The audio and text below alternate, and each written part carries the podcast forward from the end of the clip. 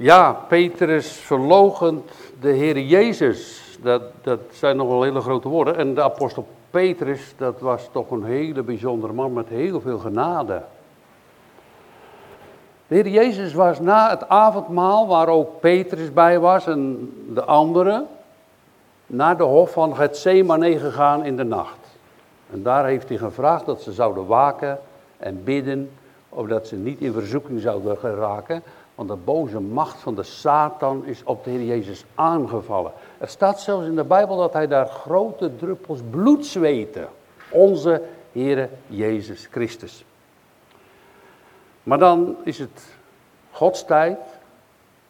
En dan gaat de Heer Jezus naar buiten toe met zijn discipelen, buiten de hof. En daar komen aan de buitenkant met zwaarden en stokken van uh, mensen die gestuurd zijn door het Sanhedrin van de overpriesters, de schriftgeleerden. En daar is ook Judas bij die hem verraden heeft. En, en dan gebeuren daar twee wonderen. Twee heel aparte dingen daar, daar buiten aan die hof van Gethsemane. Ze vallen achterover. Als, als ze, dus al die mensen vallen, die hem willen grijpen, vallen ene keer achterover. Ik heb dat wel eens meer gezien, vrienden, dat, dat ze dus in een, uh, in, in een dienst de mensen zo achterover blazen. Ik denk, is dat wel goed? Dan val je van God af toch? Ik val liever voorover op mijn knieën voor hem. Maar ze vielen achterover. dus dan denk je, ja, ja, je blaast tegen die mensen, is dat wel van God? Dan vallen ze achterover zo, dan lig je zo met je hoofd zo. Nee, aanbidding. Ik denk dat dat heel anders is. Maar goed, dat was het ene wonder, dat ze dus achterover vielen. Maar ze stonden er helemaal niet bij stil schijnbaar, want ze gingen gewoon door om de Heer Jezus te pakken, te binden. En het tweede wonder was, dat Petrus die staat daar, dat staat hier dan niet, maar in de andere evangelie kunt u het wel vinden. En die slaat zo een oor van Malchus, de dienstknecht, af. Heel dat oor eraf met een zwaard, bom! Zo. Het wonder is dat de Heer Jezus heelt dat oor. Hij plakt het er zwaar zo weer aan, maar het bloed is weg, het is helemaal wel in orde. Maar ze doen net alsof er niks aan de hand is. Ze sleuren Jezus mee ze brengen hem voor het Sanhedrin. Er wordt helemaal niet meer over gesproken over deze twee wonderen. Hij is het echt. De Christus. Maar het moest gebeuren. En, en zo wordt hij dan binnengebracht in het Sanhedrin. Nou, het Sanhedrin, dat is een hele groep van vrome mensen met mooie kleding. En, en, en daar heb je fariseeën, sadduceeën, schriftgeleerden, overpriesters en de hoge priester. Nou, die hebben nog een hele bijzondere kleed aan. En, en dan, en dan uh, zijn het 70 plus 1. En het heel apart is, als ze allemaal bij elkaar zijn tenminste, voor een raad, voor een kris zou de Romers zeggen, een kris. Hè, dan, dan wordt dus, dus een raad besproken wat ze zouden moeten doen. Nou, in, dat is goed dat dat er is, dat hebben wij eigenlijk ook. Er is een bepaald bestuur, hè? een bepaald college. Die hadden zij daar ook. Maar het is heel apart. Het is niet op de dag, maar het is midden in de nacht. Mijn moeder zei vroeger altijd: ongedierte is voor de nacht. S'nachts dan komt het ongedierte naar buiten. Weet je, maar midden in de nacht een rechtszaak, dat klopt niet. Midden in de nacht staan ze, dan moet u voorstellen dat de Heer Jezus de vorige dag uh, van alles gedaan heeft, de hele nacht op geweest is, daar dan voor het Sanhedrin geslagen wordt, Pilatus en dan het kruis, zo één en al lijden. Nou, het is bijna Goede Vrijdag, vandaar dat we daar ook over prediken. Maar dan is er toch nog iemand, eh, nog een ander is er waarschijnlijk ook bij, Johannes, maar hier gaat het over Petrus. En die Petrus die volgt de Jezus. Hij heeft eerst dat, met een zwaard dat oor afgehouden. En dan vluchten ze in principe allemaal weg. En dan gaat toch Petrus, die gaat mee en die komt dan ook in die zaal van Caiaphas terecht. Dat is het stukje wat we nu willen overdenken. Wie is Petrus eigenlijk? Petrus, een man die, uh, nou, die was echt niet bang van, voor vissen hoor. Want hij greep zo die vis, hij trok wel een heel net van 153 vissen trok hij op de wal. Was ook een hele sterke man. Het zijn hele karpers, dat moet je echt zwaar trekken als je dat per gewicht uitrekent. Dus dat hij later die 153 vis aan de kant trekt. Maar die kon ook heel goed vissen, die was helemaal niet bang voor een vis. Maar weet je waar Petrus wel bang voor was? In het eerst misschien ook niet. Maar Peter was plotseling heel bang geworden van mensen. Hebben wij soms ook last van. Hebben een predikant soms ook last van. Hebben een ouderling soms last van. Dan zeggen ja, we moeten allemaal toch een beetje, ja, de mensen toch niet te moeilijk maken. En, en, en als het dan te moeilijk is, weet je, dan, dan, dan zijn de mensen misschien boos op je. Maar als wij, wij moeten niet preken wat we denken dat de mensen willen zien, maar wij moeten preken wat God wil zeggen in ons hart.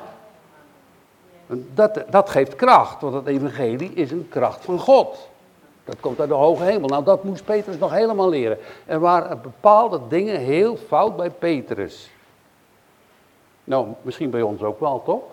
We zeggen, nou, het is wel helemaal 100%. Nou, dat gaat ik niet van mezelf zeggen en dat, zal u ook niet van uzelf zeggen.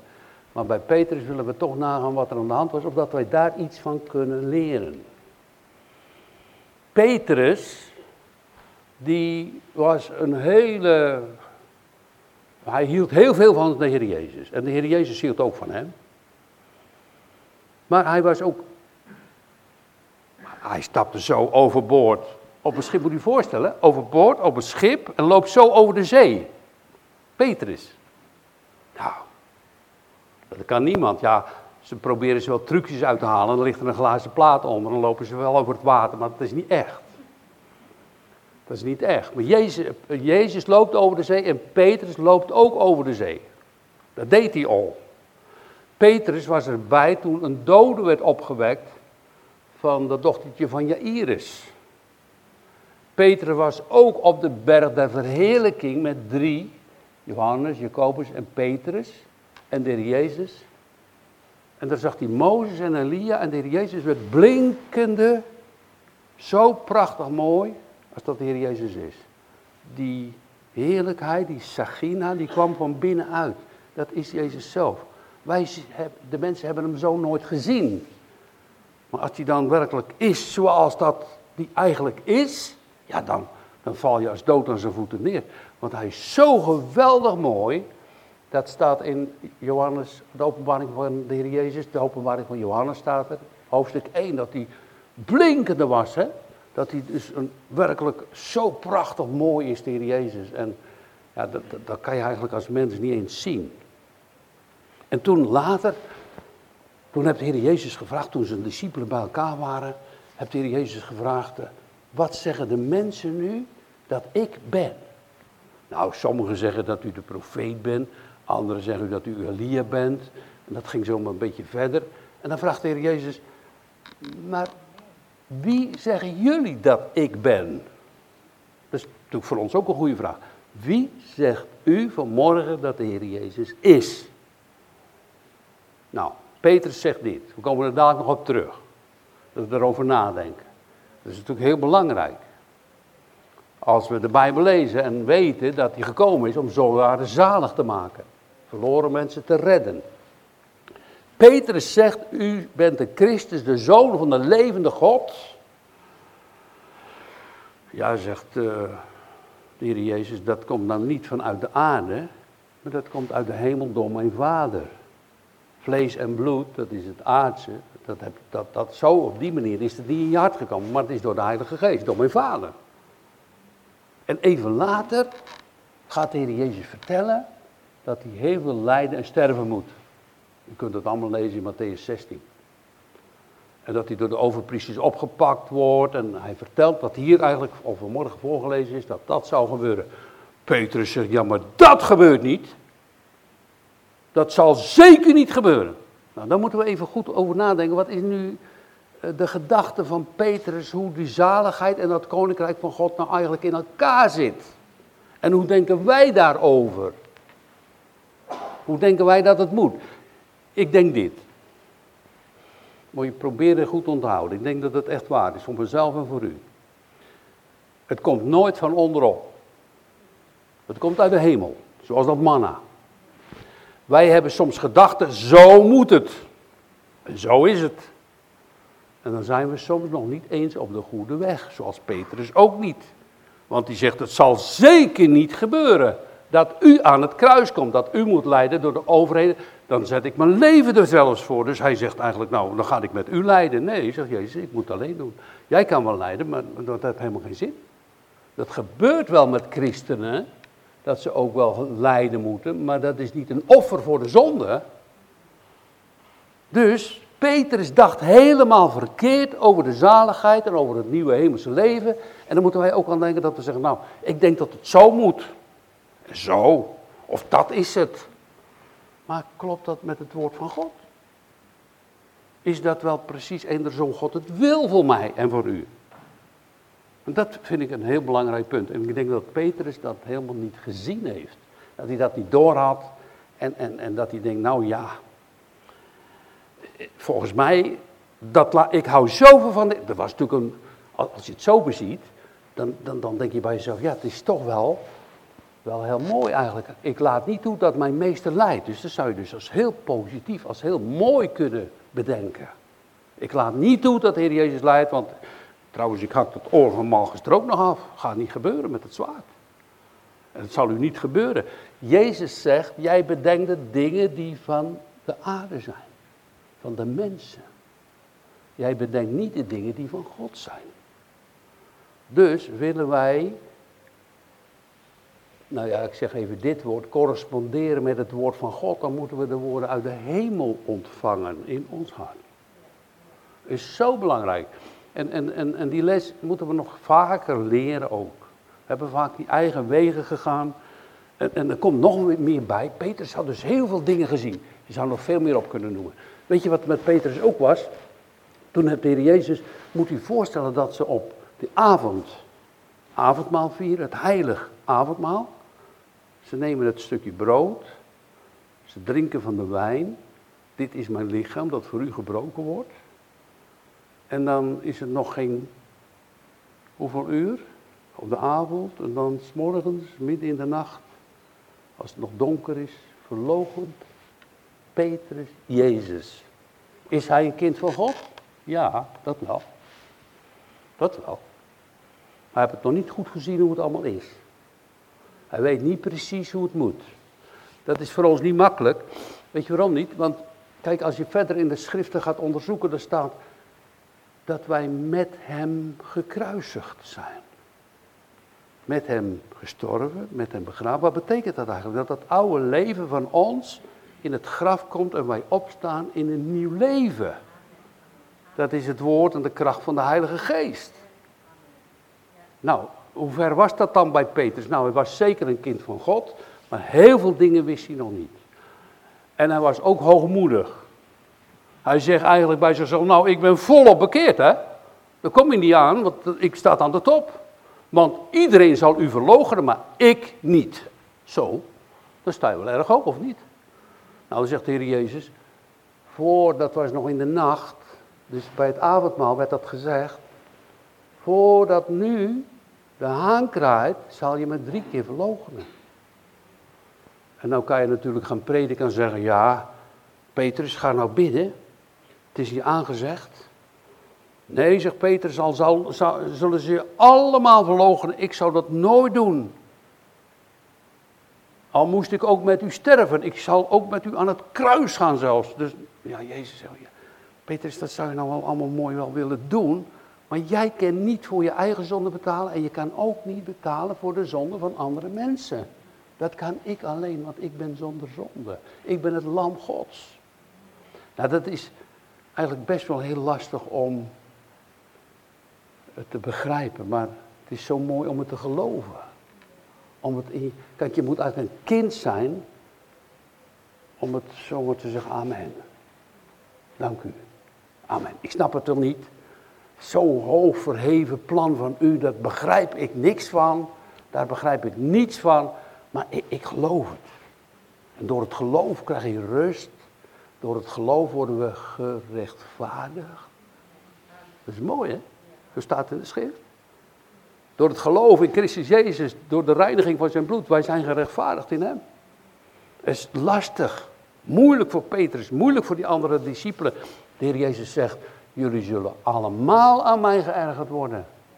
Zwaard ontwaakt, en slaat de herder en de schapen zullen verstrooid worden. Nou kan je zeggen, nou Petrus, ga nou bidden en ga nou dit doen. Ga... Nee, als je, moet, dat is ook al een punt, daar moet u goed op letten. Dat dat als hier staat dat Jezus zegt, voordat de haan gekruid zal hebben, zal je me drie keer verloochenen, gaat dat ook echt gebeuren. Hè? Want dat is een profetie. Het gaat gebeuren. Zoals de voorzeggingen in de Bijbel en wat Jezus gezegd heeft over de eindtijd, het gaat allemaal echt gebeuren. Hè? Daar kunnen wij voor of tegen zijn. Kunnen we tegen in willen werken en van alles tegen willen doen. Van nee, zo en zo en zo, klimaat en weet ik wat er allemaal niet aan de hand is vandaag de dag. Maar het gaat wel gebeuren. Hij komt terug. En er komt een nieuwe hemel en er komt een nieuwe aarde. Dat is absoluut noodzakelijk. Dus nog even terug, als wij gaan denken vanuit ons verstand hoe ik en anderen zalig moeten worden, dan denk ik niet dat het goed komt. Het lijden niet, het kruis niet, niet zo moeilijk. Is toch veel makkelijker. Kunnen toch ook gewoon. Nou, dan zegt Jezus nee. Dat is natuurlijk voor ons ook best wel eens moeilijk. Nee, nee, zegt Jezus. Die zijn leven wil behouden, die verliest het. Dus alles vast wil houden. Maar die zijn leven wil verliezen, dus dat oude leven, om mijn naam wil, die behoudt het. Nou, kijk, als je, ik mag hier voor jullie staan, ik mag voor jullie prediken, ik wil voor jullie de beste zoeken. Ik, ik weet zeker dat dat het beste is, en daarom predik ik het ook. Dat is het allerbeste, dat je het mee eens wordt met Jezus Christus en mee eens bent. Dat je zegt, amen, zo is de weg. En, en misschien dat je denkt, nou, zo was vanmorgen ook iemand. Ja, ik struikelt zo vaak, ja, ik ook joh. Maar uh, met die struikeling, als je dan terug gaat naar Jezus, mag je toch steeds sterker worden. In je geloof. Je mag gaan groeien in je geloof. Zeggen, oh ja, dat is niet goed. En, uh, oh, oh dus, dus als ik dus iedere keer ga zeggen dat ik het wel kan, blijkt ook hier bij Petrus dat het helemaal niks wordt. Dan gaat het vaak helemaal fout. Maar, maar als, als u nu in mij werkt, hebben we afgelopen woensdag ook gezegd door Bijbelstudie, als u nou in mij komt, met al die dingen die ik eigenlijk zou moeten doen, maar het lukt me niet, gaat het soms echt vanzelf. Wij hadden dat uh, beoefend, en dat moet je eigenlijk elke dag beoefenen. We zijn veel te slordig. Met een vriend afgelopen donderdag. Toen zijn we naar Antwerpen gegaan. Toen zeggen Heer Jezus, we kunnen eigenlijk helemaal niet op die straat het Bijbeltje uitdelen. Het is echt moeilijk werk. Mensen kijken je aan, het is soms ook lastig. Je wordt voor achter bespot. Eh, maar wil u het nu in ons doen? Zo hebben we samen gebeden. Niet zo kort als ik nu, maar we hebben gebeden, onderweg gesproken. We hebben eraan gedacht, Heer Jezus, gaat u nu als het ware op de straat staan. En gebruikt ons als slijk aan uw vingers. Nou, het was, het was gewoon ze kwamen gewoon de Bijbels halen. Normaal ben ik 5 of 7 euro kwijt voor een parkeergarage. 2,70 euro, tassen waren zo leeg. Het ging zo vanzelf. Dankjewel, Heer Jezus. Wat is Hij goed? Hij doet zoveel. Hij wil veel meer in ons doen. En wij willen zitten vaak zelf maar te modderen. En denken, ja, dat zus moet het en zo moet het. En toch, dan gaat het mis, net als bij Petrus. Heel stoer, heel vroom en nou ja, dan komt hij in die zaal van Caiaphas. Hier Jezus staat daar en die wordt met vuisten geslagen en die wordt veroordeeld. Het lijden van de Heer Jezus is groot. Valse getuigen staan tegen hem op. Hij heeft gezegd in drie dagen, ja, drie dagen. Maar dat betekent van zijn lichaam dat hij het graf ingaat en dadelijk zal opstaan. Weet je, waar je ook op moet letten, dat de Heer Jezus ook nog voordat dit allemaal gebeurd heeft, tegen Petrus iets gezegd had. Weet je wat hij gezegd had? Is een beetje moeilijk voor, voor, voor, voor jullie ook, misschien de jongeren, maar ik zal proberen uit te leggen. Hij zegt, Jezus zegt tot Petrus, de Satan, dat is dus de duivel, dat is een duivelse macht. Een engel die uit de hemel gevallen is. Je hebt heel veel donkere praktijken. De duivel bestaat echt, hè. Die heeft van harte of zeer begeerd, dus dat heb hij heel graag gewild, jouw Petrus te ziften als de tarwe. Nou, weet je wat dat betekent? Als je tarwe hebt, dan zitten er allemaal van die schilfertjes in. En dat stof. En er staat iemand te schudden met een zeef vroeger. En die gooit dan op een beetje wind en op een berg of zo, die, die, dat graan in de lucht. En op zo'n zeef en dat kaf waait weg. Het graan blijft over. Dus die graankorrels die blijven over. En die graankorrels, daar wordt mee bedoeld de kinderen van God. Maar nou is die Satan bezig geweest om te schudden op die zeef, of dat die, Je, dat die Petrus niet weg zou kunnen trekken bij Jezus vandaan. Dat is de begeerte van de duivel geweest en dat doet hij nog bij ons allemaal. Op de een of andere manier probeert de duivel ons bij de Heer Jezus weg te halen.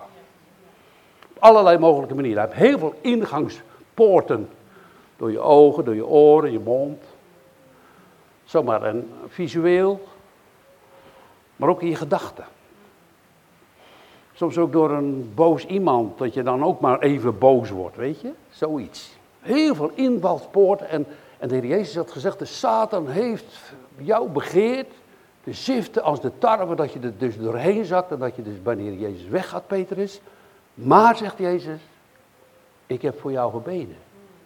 Dat jouw geloof niet stopt. Dat je geloof niet ophoudt. Nou, dat vind ik geweldig, hè. Weet je wat Jezus zei? Dat staat in dat prachtige gebed van hem. Dat niemand ze uit zijn handen zou rukken. Hij is de goede herder. Hij geeft zijn leven voor de schapen. Als je dat leest, in Johannes 7, ook zo'n prachtig mooi gebed, er staan nog veel meer dingen in. Dat, dat, dat, dat, dat er staat dat hij dus, uh, dat hij ze dus thuis wil brengen bij zijn vader. En dat gaat ook echt gebeuren. Wat voor, Peter ben nou voor of tegen, jij komt er. Maar je moet wel veel leren. En dat is natuurlijk helemaal veranderd. Want als je nu later Petrus brieven leest, weet je wat hij dan zegt?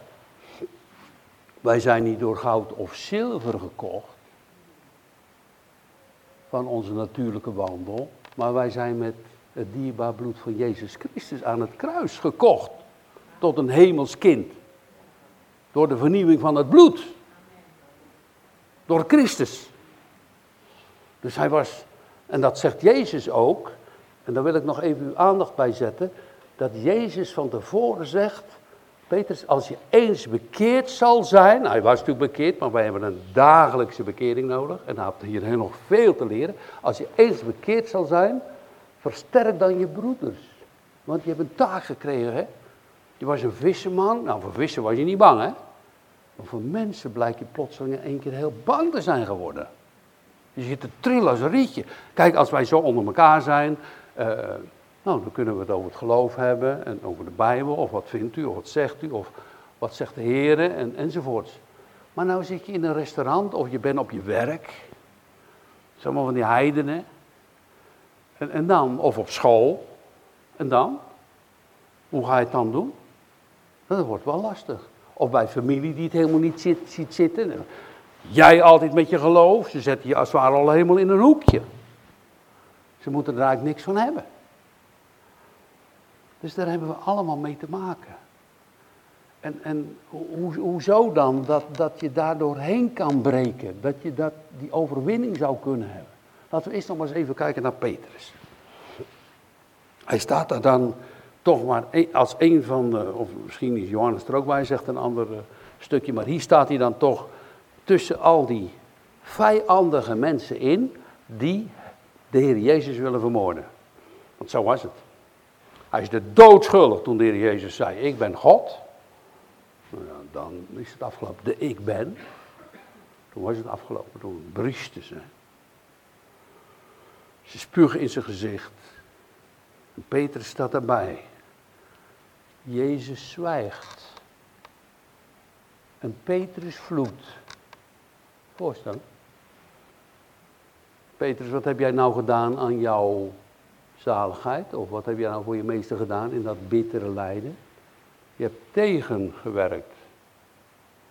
Als je dat moet leren van jezelf, dan denk je, nou, dat wil ik eigenlijk toch ook niet horen. Maar het is wel zo, vaak hebben we tegengewerkt.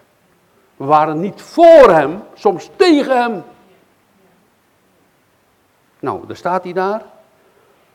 Staat daar rustig, bij een kolenvuur staat hij zich eigenlijk te warmen. En dan komt er een uh, dienstbode, Iemand die een beetje voor de koffie zorgt. Die komt tot hem en zegt: hey, Peter, hey, jij bent ook toch bij Jezus? De Galileër. Maar Peter zegt: Ik weet het niet wat je zegt. Dus, niet, dus hij liegt eigenlijk niet. Nee.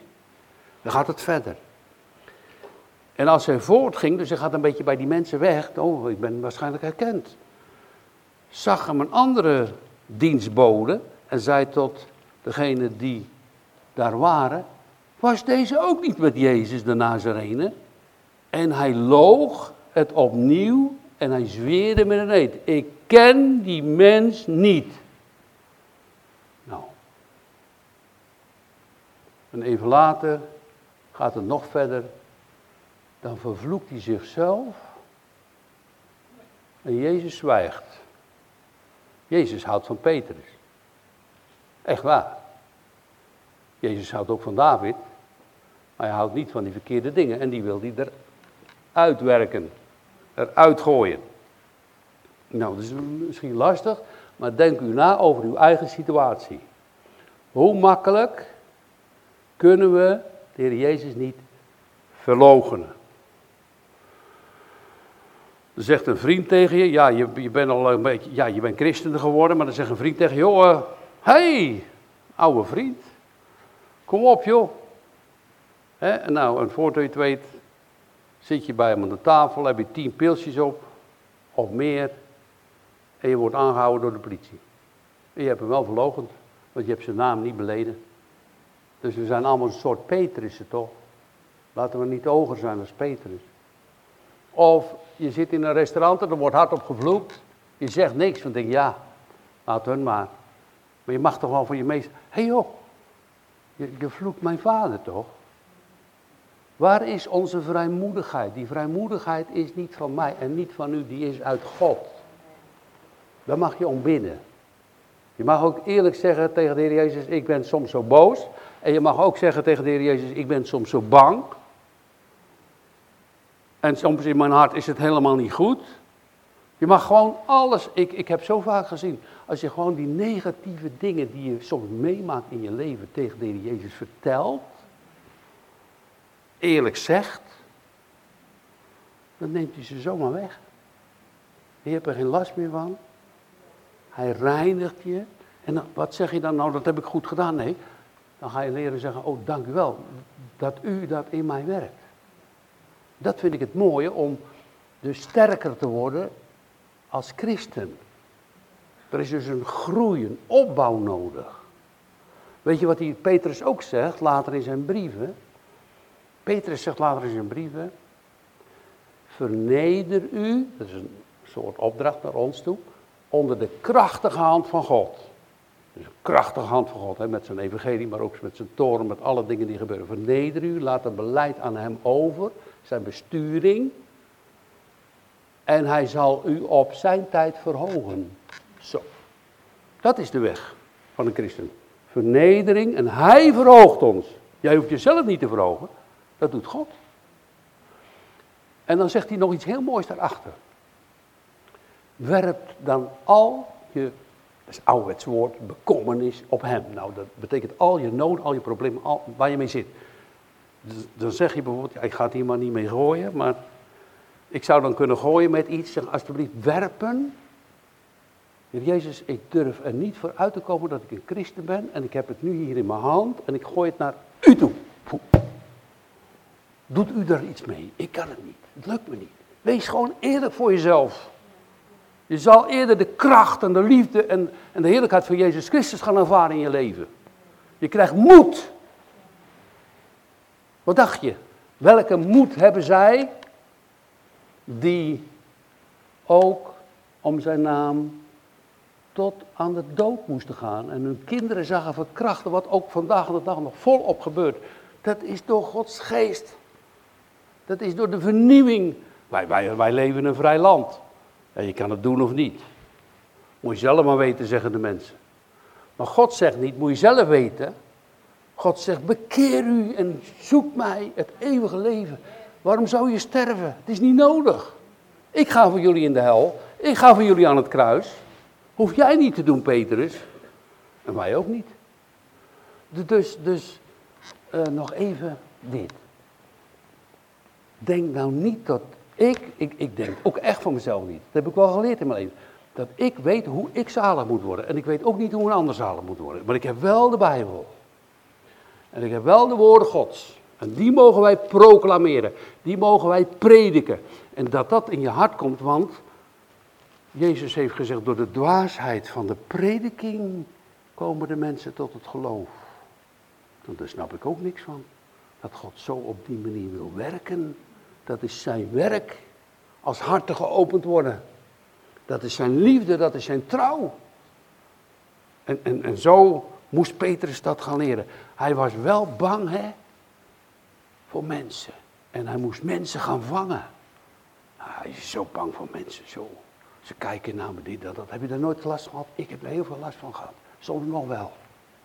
Oh, wat vind ik het dan moeilijk. Maar als hij nu in je is, dan hoef jij niet meer zelf, maar dan doet hij dat in jou. Ik zal je een voorbeeld geven nog, misschien voor jullie, voor de jongeren. Dat was nou niet zo'n mooi voorbeeld hoor, maar het gebeurde toch. Er was een uh, man, die had een boerderijtje en die had een zoon. Ik heb het verhaal ook van een ander, maar goed, uh, het schijnt echt gebeurd te zijn. En, maar die zoon die was nog best goed bij zijn verstand en die vader dacht, hé hey joh, ga jij studeren? Maar dan moet ik wel, vroeger natuurlijk, een paar koetjes erbij nemen. Ik moet wat harder werken, ik moet wat geld verdienen, want ik moet die studie voor jou kunnen bekostigen. En als jij dus naar Amsterdam gaat of naar Utrecht, waar je ook maar gaat studeren, moet je daar natuurlijk op kamers en dat kost geld. Dus ik ga voor jou harder werken. Zo'n boer met klompen, weet je, met zo'n pet op, weet je. Je, ziet, je ruikt hem soms ook al een beetje. Gewoon een boer. Maar verachten soms de boeren, maar eh, zonder de boeren, de koning wordt zelfs van het land gediend. Hè? Dus laten we het dus absoluut niet verachten. Maar die man die, doet heel zijn best. Hè? En die jongen die gaat zo ver, hij studeert, hij studeert. En, en hij is heel knap geworden. Hè? En op een bepaald moment gaat hij promoveren. En dan geeft een feest. Nou, die colleges, eh, al die mensen komen. Hè? Maar zijn vader had hij niet uitgenodigd. Nee. Maar zijn vader was het wel te, te weten gekomen. Dus zijn vader kwam het te weten dat zijn zoon een feestje gaf in zijn promovendum om nog groter en meer als weet ik wat hij gestudeerd had. Nou, dus die vader denkt, ik stap op de bus en op de trein en ik ga erheen, want hij wist het adres. En hij komt bij de deur en hij klopt op de deur. Zijn zoon doet open Bam, de deur dicht. Ik ken u niet. Had hij dag en nacht krom gelegen voor die jongen. Hetzelfde als wat Petrus doet. Hetzelfde wat wij soms doen tegenover Jezus Christus. Laten we ons niet verheffen. Maar laten we elkaar vasthouden. Voor elkaar bidden. Wie meent te staan, ziet toe dat hij niet valt. Dus uit die zwakheid is vaak meer kracht gezien dan uit de sterkte van ons. Dus als je zwak bent en dat erkent en die kracht bij God zoekt, bij de Heer zelf, dan kan je soms heel veel andere dingen doen. Maar om, om dat nu concreet te maken, om te zeggen, nou ja, dus ik, ik ga dus op mijn werk, of waar je ook maar bent, en, en, en, en ja, ik word natuurlijk niet, als ik zeg dat ik christen ben, krijg ik zomaar niet in Nederland klappen. Nou, dat kan wel eens gebeuren, maar dat denk ik nog niet dat dat gebeurt of zo. Valt nog wel mee, toch? Maar alleen al de gedachte hoe anderen over je denken, kan je al zo bang maken. Dan hoor ik er niet meer bij of zo. Weet je wat het uh, punt is? Dat, daar hebben we allemaal last van. Het punt is dat we soms niet denken hoe God over je denkt. Wat denkt u van mij dan? Hoe denkt u over mij? Hoe kijkt u naar mij? Als ik zo doe. Wat zal u met mij doen dan? Nou, hier, terwijl dan die haan kraait, staat er in de andere evangeliën dat Jezus die stond daar zo en werd geslagen en bespogen, met een speeksel op zijn gezicht. Die draait zich om naar Petrus. En Petrus, die kijkt ook naar de Heer Jezus. Petrus vervloekt Jezus. En Jezus zwijgt, die kijkt alleen maar. Ik heb voor jou gebeden, Petrus. Nou, hij hebt het niet meer. Heb je dat ook wel eens? Dat je dus foute dingen deed. Oh, wat was ik stom. Daar wil ik nog iets over zeggen. Ik heb ook meegemaakt dat mensen die stelen bijvoorbeeld. Jongen, wat was ik stom. Ik had het een beetje slimmer aan moeten pakken, had de politie me niet gepakt. Ja. Zo heeft Petrus niet uh, gehuild hoor. Oh, wat was ik stom. Als ik dat en dat gedaan had, ik, was ik niet gepakt. Kan ik gewoon doorgaan met mijn verkeerde praktijk. Ja, dat bedoel ik toch niet. Nee, hij huilde over dat hij werkelijk berouw had. Fout was. En wat hij Jezus aandeed. En toen zijn zijn ogen geopend. En de Heer Jezus heeft het hem later geleerd. Het is echt een apostel geworden die heel veel in de dienst van God gedaan heeft. Hij had er echt ook alles voor over. In het eerst helemaal fout, dus met dat zwaard. Met die verloochening hier. Met die verkeerde woorden. En Jezus leert steeds weer ons opnieuw. Opdat wij zeggen, amen, wat u doet is goed. Uw weg is geweldig. Jezus zegt, nou ja, weet je de weg niet? Ik ben de weg, de waarheid en het leven. Niemand komt daarboven in de hemel bij de Vader dan via mij. Maar ja, soms denken we, ja, ik vind dat niet zo'n makkelijk weggetje. Maar hij zegt nog iets erbij. Mijn juk is zacht en mijn last is licht. Soms denk je dat het heel zwaar, heel moeilijk. En als je er eerlijk voor uitkomt, moet God je geven hoor, vind ik ook wel.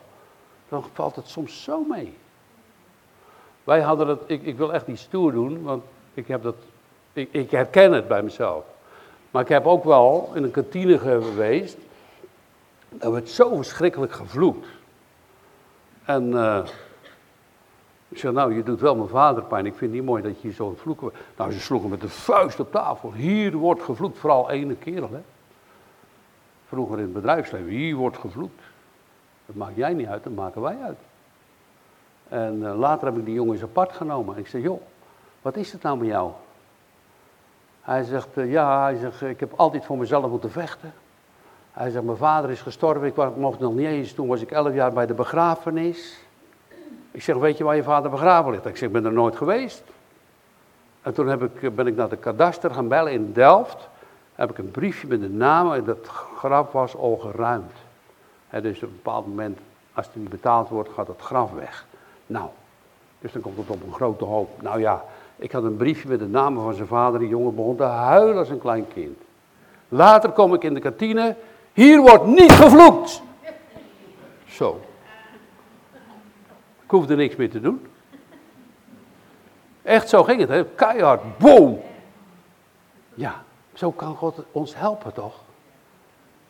Laten we proberen hem niet te verloochenen. Hij zegt, als je mij verloochent, dan verloochen ik je ook voor mijn Vader in de hemel. Gelukkig, als je het gedaan hebt, mag je terug. Mag je zeggen, Heer Jezus, vergeef het mij. U bent waard aanbeden te worden. Want de duivel zit erachter als we bang zijn. Dat is niet uit ons uit God, maar dat is van de duivel. Die wil ons angstig maken, die wil uh, proberen ons. Nou, uh, wat moeten wij dan doen? Hier zitten wat oudere mensen, ik wil u iets vragen. Willen jullie ook voor deze dingen bidden voor de jeugd van onze kerk en van de kinderclub? Willen jullie dat doen? Voor de kinderen dat ze sterk worden om de Heer Jezus niet te verloochenen. Toch? Dat is toch een reële vraag, toch? Voor ouders, voor onszelf, maar ook voor elkaar. Want het is echt mooi om voor hem te beleiden. Ja, hier in de kerk, ja. Maar nou op straat. Nou, dan moet je stoer zijn? Nee, hoeft niet. Maar misschien kan je een ander winnen. Zomertijd.